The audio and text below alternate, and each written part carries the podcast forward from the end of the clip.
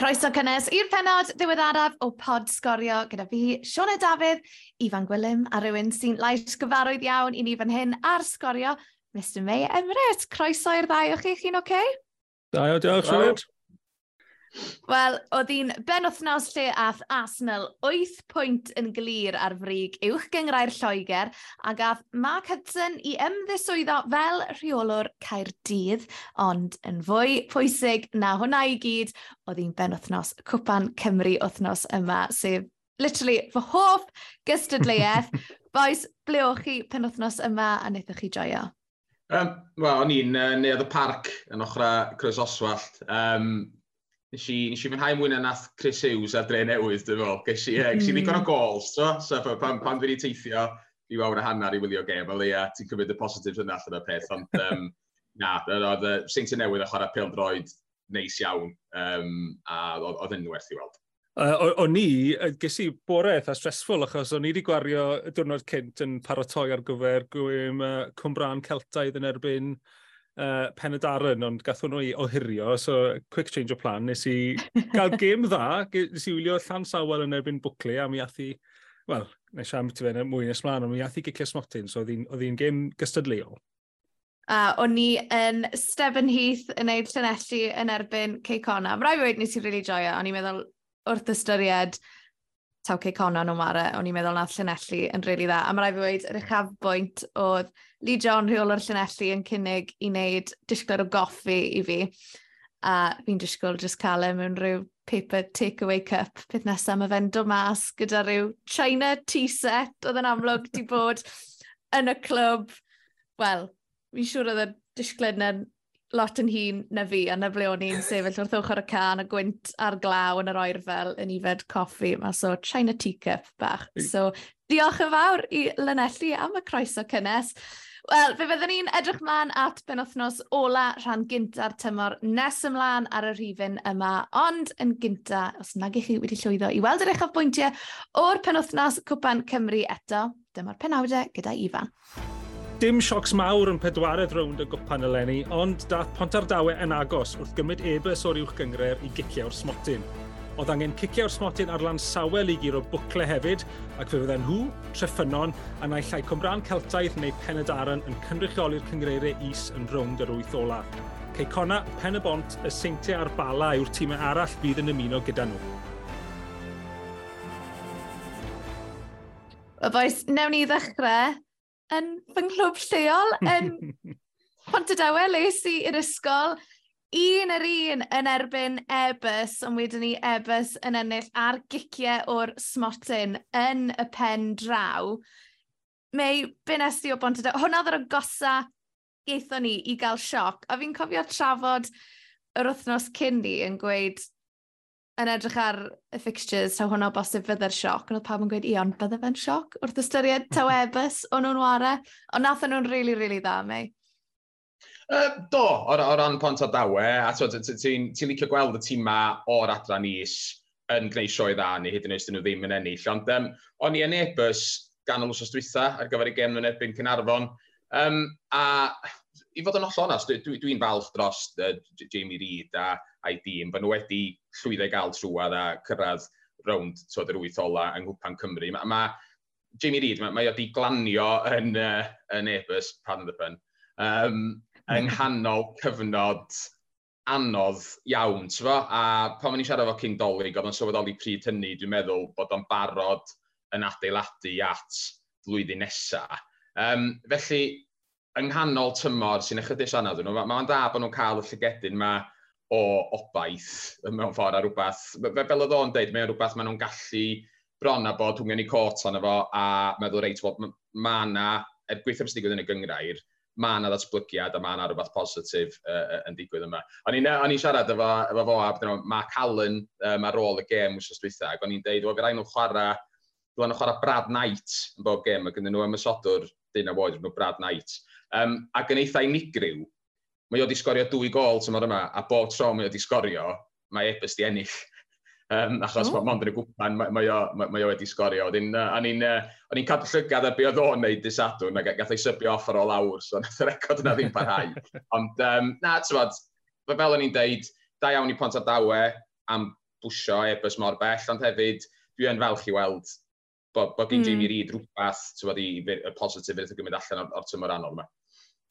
Ifan o ran Pontedewe, nhw heb gael y dechrau gorau i'r tymor yng Nghyngrair y de, ond maen nhw ar rhediad eitha cadarnhaol hyd yn hyn. Maen nhw allan o syfleoedd y cwmp. Ond mae rai fi wedi, pan ath e i'r gicio'r smotyn, uh, be o'n i'n dryliad bod golwr Pontedewe, Steve Reeve, oedd yr unig un nath fethu'r cicio'r smotyn, fi jyst mae'n gwybod pam oedd y golwr yn cymryd un o'r pimp cynta yn y shootout. Ie, yeah, mae'n odd edrych at fel... Cwestiynau falle ar gyfer pwy arall oedd yn y tîm a ddim rhoi llaw lan, achos hawdd iawn berniadu Steve Reeve am fethu, ond tyd, war y teg iddo fe am rhoi law lan a gweud bod e eisiau cymryd e. Mae ma gytyn pan ti'n mynd mas a cicio smotyn anyway, so mae rhywun yn mynd i fod yn gytid pa, pam Steve Reeve yn cymryd e, fi ddim yn gwybod, ond nes i sylwebu ar cicio smotyn um, llynedd, pen y bont, a Benilan mynd i'r ffeinal, uh, curo nhw Caenarfon a oedd Jacob Orsinski yn un o'r chwaraewyr gymrodd y pimp cyntaf a nath e fethu. Mm. So, diw golwyr ddim yn gwneud penalty takers da, ond ie, yeah, war y teg i Steve Reeve am gymryd. Ond ie, yeah, ti'n iawn, oedd Pontardawe y Fenni a Ynys Hir, y tri dath lan o hain tri i'r Cymru South lenni. Tri wedi dechrau yn eitha gwael ar un adeg nŵr tri oedd yn sefydlodd y cwib. Ond, pont o dawe, ie, yeah, maen nhw wedi curo gyfyrddin yn ddiweddar, maen nhw wedi, maen nhw wedi ennill i dwy diwetha nhw yn y Cymru South, a maen nhw mas y sefydlodd y cwib nawr, maen nhw uwchben Prifysgol Abertawe, maen nhw wedi curo, a maen nhw uwchben Goethe United, tîm arall maen nhw wedi curo. So, maen nhw'n dod o'n reit, mae'n cymryd bach amser, falle i dîmau fel yna sy'n dod lan i ddod yn arfer ar gyngre'r newydd, ond iawn na pant o dawe yn neud yn eitha da ar hyn o bryd. Uh, Fi'n siŵr yn presif iawn, dod Gymru nhw'r blaen yn erbyn e-bus a tyd, mor agos i, i gael sioc. So, Dwi'n meddwl bod o'n werth adio at beth mae Ifan ddeud y fanna, dweud y gwir. Um, nath Bant o Dawe golli y rheolwr nath ddod yn o fyny, nath ennill ar chefod yn y tymor dwythaf wrth gwrs do. So, mae mm. Andrew Stokes di mynd e- ymlaen i bont y pryd. Um, a mae hynna wedyn, dwi'n meddwl, i dîm sy'n eill ar chafiad hefyd yn gallu bod yn ychwanegu mewn ffordd at yr pa mor anodd ydy o i, i setlo i mewn i, i gyngred newydd. Felly, um, ie, fel o'ch chi'n dweud, mae'n mae dda i weld bod nhw wedi gallu setlo. Um, a bod nhw, tywod, dwi'n licio edrych hefyd ar y cyngreiriau yma, a ti'n licio gweld tîma wahanol ranna o, o Gymru yn nhw gyd. A ti'n bod, mae'n dda gweld tîm o, o gwm tawed, dwi'n meddwl, yn yr, yn yr ail haen a fi bach yn bias achos o'n i actually arfer wario i bont y dewe pan o'n i fel yn naw mlwydd oed, ond nath o ddim para'n hir iawn achos nes i sylweddoli'n glo iawn bod fi lot well yn siarad ac yn gwylio pil drod yn hytrach na chwarae. Fi'n credu fi oedd yr amddiffynwr gweitha mae Pontadewe Ladies eriod wedi cael. Dewn ni symud ymlaen, ni wedi sôn am gicio'r smotyn, a oedd gicio'r smotyn yn bach o thema penwthnos yma, y gêm fyw a'r sgorio, fel ni wedi sôn. Llinelli yn colli o ddwy gol i ddim yn erbyn Cey Cona, ond mi oedd na gyfle i Joe Hopkins unioni'r o'r smotyn uh, i wneud hi'n un yr un, ond Ifan yn y diwedd Cey Cona a hi. Ie, yeah, bach y gytig, really. Mi gath nhw'r cyfle yna, a ifs and buts yma e bod Joe Hopkins heb, fel oedd y sywebwyr gweud, fel edrych lan a gweld bod um, Firth wedi mynd yn gynnar i chweithau. so Cic cico smotyn yna, yn bach o sliding doors moment, achos os byddwn ni'n yr un yn mynd mewn i'r deg munud ola, dod gallu mm. rhywbeth ddigwydd. Ond diddorol gweld, yn y gêm yna, dwy gol i Geicona, y gol sgorodd Ebus, a hefyd pan oedd um, pen y bont oedd y tîm arall o'r uwch gyngre'r curodd tîm o'r adran is bron yn bod y goliau i gyd yn dod o set pieces. Tafled hir oedd gol Ebus, a dwy gic gornel oedd gols Cey Conna. So, diddorol gweld taw fyna oedd y gwahaniaeth really, yn y gêm yna rhwng y, y hain cyntaf a'r ail hain. Wel, o dim sioc, yn y gêm arall rhwng clybiau'r ail hain a'r uwch gyngrau'r Gresford yn colli o ddwy gol i ddim yn erbyn Penabont, a dyma oedd ymateb chwaraewr Penabont, Mael Davies, wedi'r gêm. Wel, Mael, sut brofiad oedd hynna? Gwahanol. Um, yeah, wedd yr yn galed iawn eddi. Um, yn wedi yn yr, yn yr uh, hanner cyntaf gyda'r gwynt a hefyd y ca. Um, ddim y gorau, ond um, yn credu ni'n hapus i mi mewn hanner amser uh, un gol i fyny a wnaethon ni'n domnydd i'r uh, ail hanner fyny. Ie, yeah, un gol i fyny. Diolch i gol pwy. Ie, yeah, diolch i gol fi, ie. Yeah. Um, Wel, un cyntaf fi tymor un, so neis i gael gol bach a, a helpu'r tîm a neis i fod trwyddo i'r uh, rhwng nesaf. Wel, chi di meddwl pwy lycach chi gael allan o'r hat yn yr awn nesaf eto? Um, cymerwn ni unrhyw un, um, ond chymryd ni'n gwybod bod uh, chance gyda ni cael rhywun yn, y, yn y gyngor o dan ni, um, felly gobeithio gewn ni'n o'r reina, um, ond chymryd, os ni'n cael rhywun o, o'r Cymru Premier, ni'n edrych ma'n. Ac ar ôl y profiad o bod yn y rownd derfynol y llynedd, pa mor benderfynol mae hynny'n neu chi o fod eisiau cyrraedd yna eto, Lenny? Ie, yeah, chyma ni wedi cael blas o fe blwyddyn diwetha, um, felly o'n i mor agos hefyd, um, Rwy'n ni gêm dda iawn i'r Seinti Newydd a chwmod oedd yr holl awyrgylch yn, um, oedd e jyst yn profiad gwych, so ie, yeah, ni'n really, really moyn neud y blwyddyn hyn eto. Wel, Mal, llongorchiadau mawr heddiw, dos i'n dreio'r dathlis. Diolch yn fawr, diolch.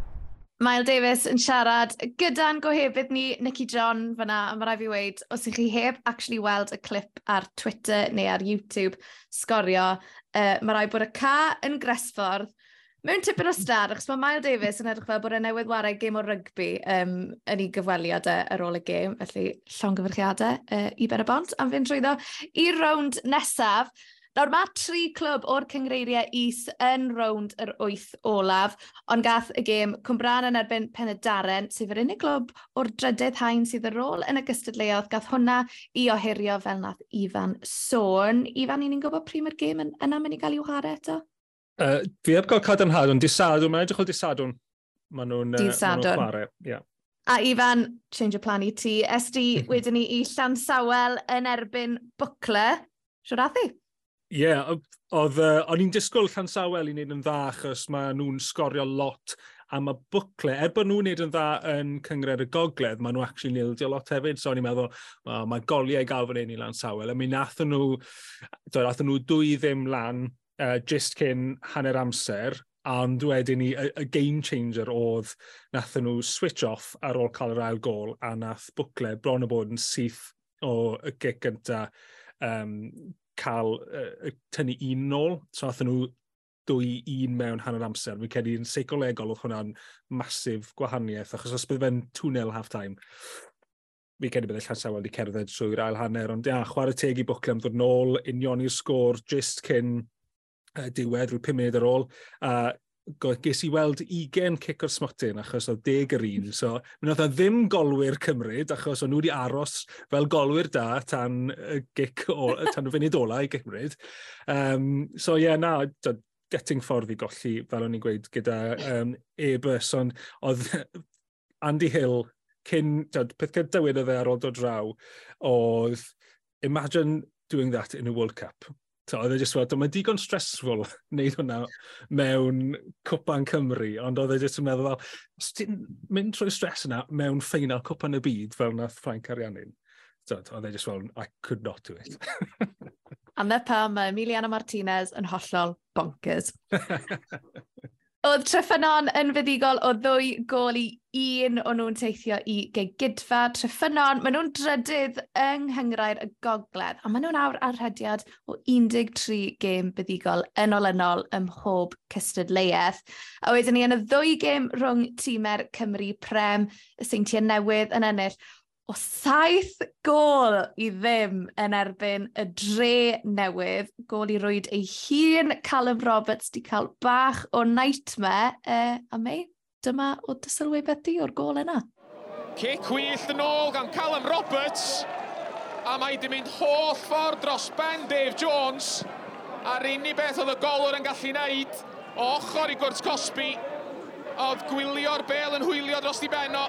Callum Roberts yn sgorio gol anhygoel i'w rwyd i hun. Wel, Mei, dyna lle o ti, uh, siwrt ymateb gaff y gol yna gan Callum Roberts.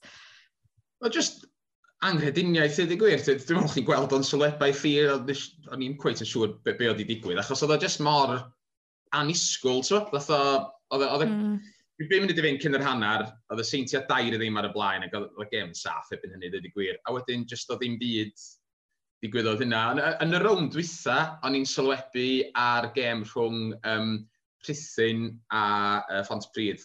A mi sgoriodd uh, Vita yn Bolocele gol anhygoel yw rwyd i hun yn y gêm yna. AI rhithyn nath o lithro i mewn a di gwybod to, ar ochr y cwrs Cosby, lithro i mewn a dal y bel yn hyd ati dros y gol geidwad.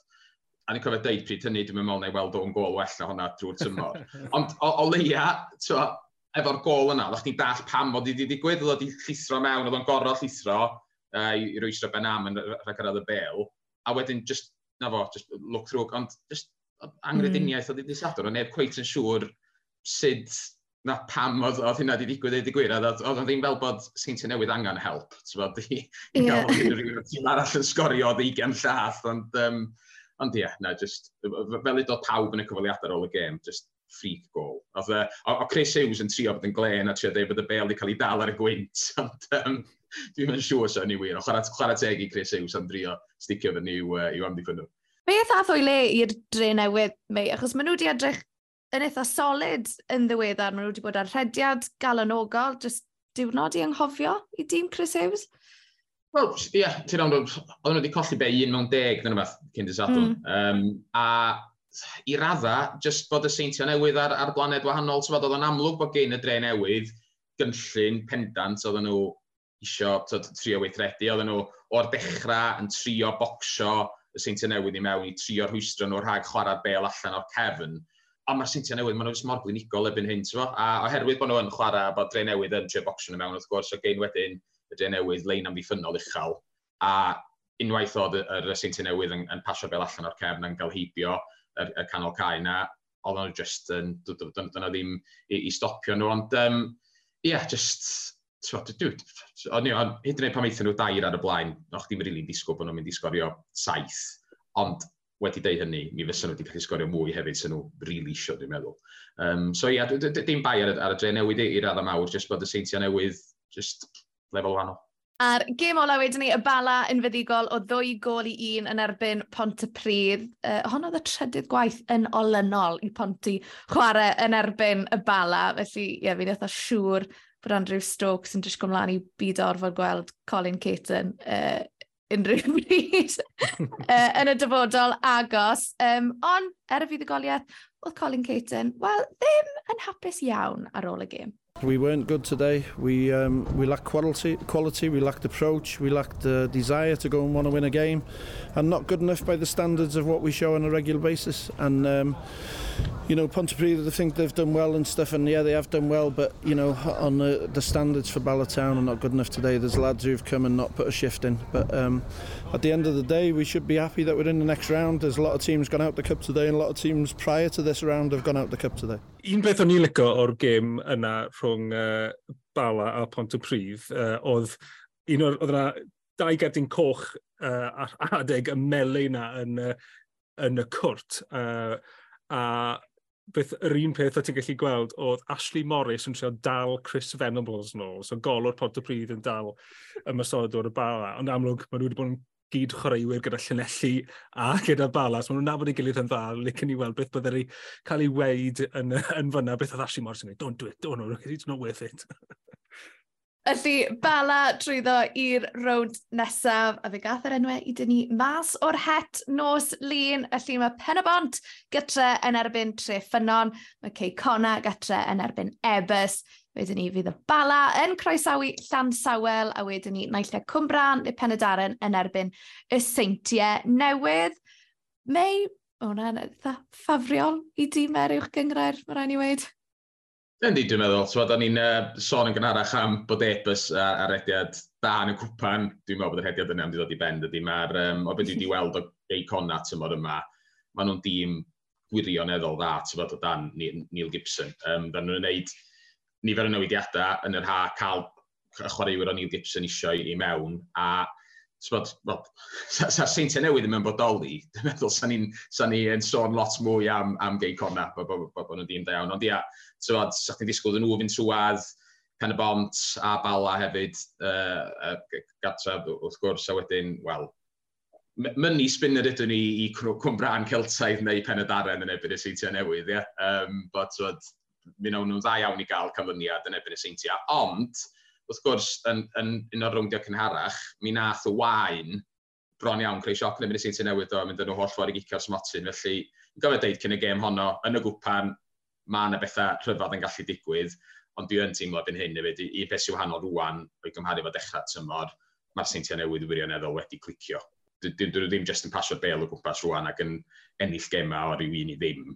Maen nhw'n bron yn gwneud fel maen nhw eisiau yn ystod gemau. So, ie, yeah, mae hwnna'n dalcan caled iawn uh, i'r pa bynnag dîm o'r, or hau ni sydd yn trwad. Ac fe fydd rownd roedd olaf Cwpan Cymru yn cael ei chwarae penwthnos cynta mis Chwefror. Felly, stym sbel i fynd o gwbl tan y gemau yna.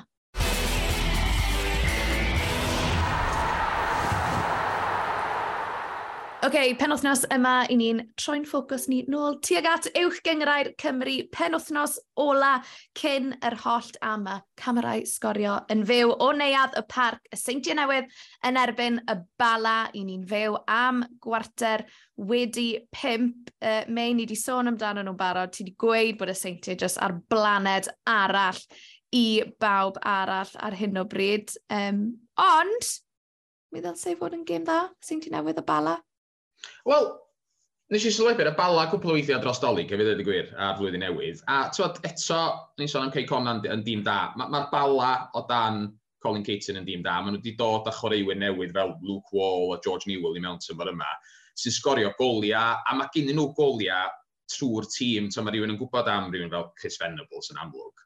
Ond nes i sylwebu'r i dwy gem yn y byn Cynarfon dros dolig o flwyddyn newydd, a sgoriodd bala 8 gol dros y dwy gem yna. Um, mm. A wyth chwaraewr gwahanol yn sgorio y goliau yna. Um, a dim ond Cicos Motin uh, yn, yn hwyr gath Chris Venables ar ôl dod oddi ar y fain. Felly, um, mae Colin Caton eto, mae o wedi cryfhau i garfan tymor yma, a dwi'n teimlo fel mae'r tymor ddim ymlaen eto mae bala wedi clicio mewn ffordd, ond um, eto oedden ni'n sôn, de, oedd y dre newydd yr ediad da, doedd. Um, mae'n mae anodd erbyn hyn, hyd yn oed y, y tîma yna, da ni weld fel tîma da, y tu hwnt i'r uh, i seintiau newydd. Dwi, dwi yn, yn, yn, i gweld i'n anodd iawn, gweld unrhyw beth blaw, bydd i goliaeth i'r seintiau newydd, mae'n unrhyw gem yn chwarae hyn o bryd, yn enwedig uh, yn neuad y parc. Ifan, mae'r seintiau maen nhw wedi sgorio mwy o goliau nag eriod o'r blaen ar adeg yr hollt hefyd. Siawns o bosib torri record gol, goliau'r deuddeg disglair. O, oh, yn sicr um, nes i weld, uh, well, nes i sylwebu ar y gêm gyfatebol um, Seintia Bala ar faes tegyd y gynt tymor yma. Ar y pryd oedd e'n cyntaf yn ebyn ail, fi'n meddwl, a ti'n sôn am ti cyntaf yn ebyn trydydd yn y, yn y gyngred llynedd.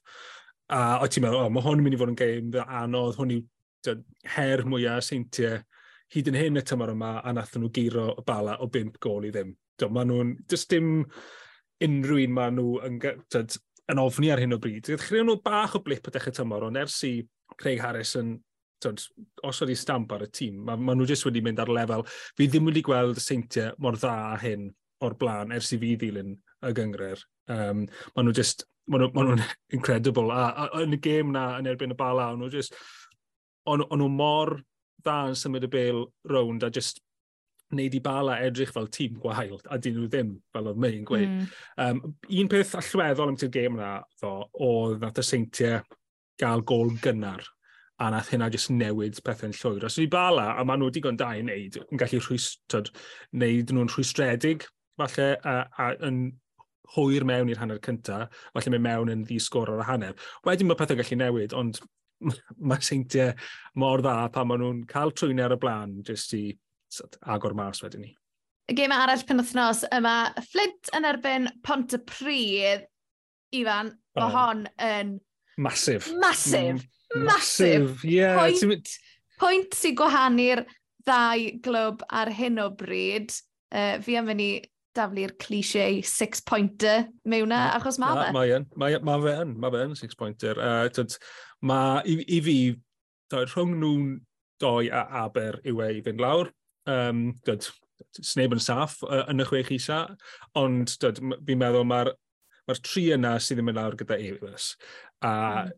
mae, ma tri pwynt fyna, dyd unig yn, yn dod, gwybo Flint neu Pont y Pryd yn ennill, nid unig maen nhw'n cael y fantes yna dros y llall yn y gêm, ond maen nhw hefyd, tyd, mae Aberystwyth yn mynd i fod yn edrych ar y canlyniad yna a gobeithio am gêm gyfartal. Mae ma fe jyst mynd i osod uh, momentum falle ar gyfer ar hanner y tymor hefyd, so tyd, bod Flint a Pontypridd mewn i ail hanner tymor ar ôl buddigoliaeth yn wneud lot o hyder nhw hefyd. So, yeah, big game. A pen y bont hefyd yn croesawu'r dre newydd. Mae hwnna'n gêm sy'n wastad yn gallu bod yn eitha feisty. Mae Met Cyrdydd yn croesawu Ebus, Ceicona yn teithio i Hwlffordd. A wedyn ni mei Aberystwyth yn erbyn Cynarfon. Fi'n siŵr bod yna dimlad enfawr o rhyddhad gan y cofis ar ôl i nhw fydd i ebys wythnos diwethaf. To, ar un o'r rhediadau gweitha nhw eriod hefyd. Ti'n gallu rhoi dy fus ar beth yn gwybod sydd wedi mynd o'i le i dîm Hugh Griffiths tymor yma? Wel, mae yna'n anhygoel, ydy gwir, bod nhw wedi disgyn mor bell. A ydy gwir, mor sydyn, ti'n fawr, achos oedden nhw'n mm. dechrau tymor, oedden nhw'n edrych yn, yn dîm da, ond y gwir amdani, maen nhw wedi cael problemau efo nifer o anafiadau um, a does gyn nhw ddim carfan hanner mor ddofn ar rywun fel Bala, Ceicona, neu hyd yn oed y, y dre newydd. So, um, so mm. ers nhw golli uh, Fidel yr Oc, yr ymosodwr, um, a hefyd Dion Donahue, o' na deimlad, dwi'n meddwl, dros y dolyg ar flwyddyn newydd, uh, bod i, i carfan nhw i lawr i'r be bones go iawn, ti'n fo? Um, mm. A rhaid i ddeud, ar, ar ôl y gêm na'n ebyn ebys, wrth dwi eithaf, hwnna di tro cyntaf, dwi wedi gweld Hugh Griffiths yn gwenu, ers, ers misodd. um, a chdi'n sôn, bod, bod Flint a Pont y Pryd yn six-pointer, di hon Aberystwyth a Canarfon ddim yn bell a fod yn un, de? Um, oedd hmm. Cynarfon mm. di disgyn o fewn be, triffwynt, dwi'n meddwl, i'r ddau safle gwylod cyn iddyn nhw ennill wrthos dwytha. Um, a tod os fysa Aberystwyth yn cael canlyniad yn erbyn Cynarfon, wel, mae Cynarfon yn ei chanol i wedyn. So, Dwi'n dwi, dwi, dwi mynd deud sa'n nhw, na nhw, sa'n agos i fod y ffefrynnau i fynd i lawr, ond fysa nhw yn ei chanol i o ran, bod, dal i fod gorau edrych dros i, dros i ysgwydd yn edrych na edrych yn, yn, yn ei blaenau ac, ac edrych tuag at y seithfed safle yna.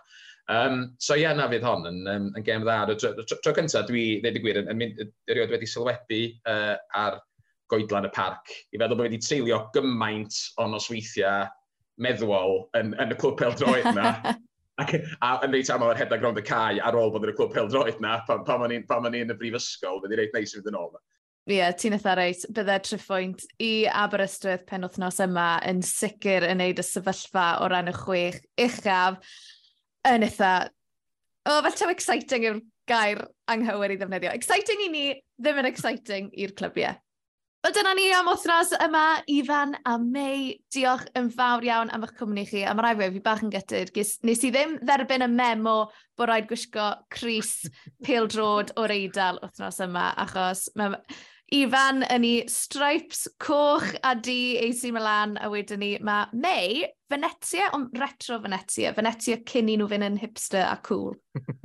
Original hipster, dwi'n Mor ma, ma, ma, ma bell ymlaen, mor bell ymlaen yn amser bod fi erbyn hyn tu ôl i ffasiwn eto. So, Fe fel fi a Ugg Boots, nes i benderfynu cadw Ugg Boots fi o pan o'n i'n 15 mlynedd oed, a nawr maen nhw'n cool eto. Felly, anyway, Pidwch yng nghofio bod camerau byw sgorio yn neuad y parc dydd Sadwrn ar gyfer y gêm rhwng y seintiau newydd a'r bala gyda'r darllediad yn dechrau am 5 o'r gloch. Bydd eich a bwyntiau'r chwech gêm uwch gyngrair ar gael i'w gwylio ar sgorio S4C Nos Lun ac hefyd ar YouTube a Twitter. Tan hynny, diolch yn fawr am wrando. Wylwn ni chi wythnos nesaf.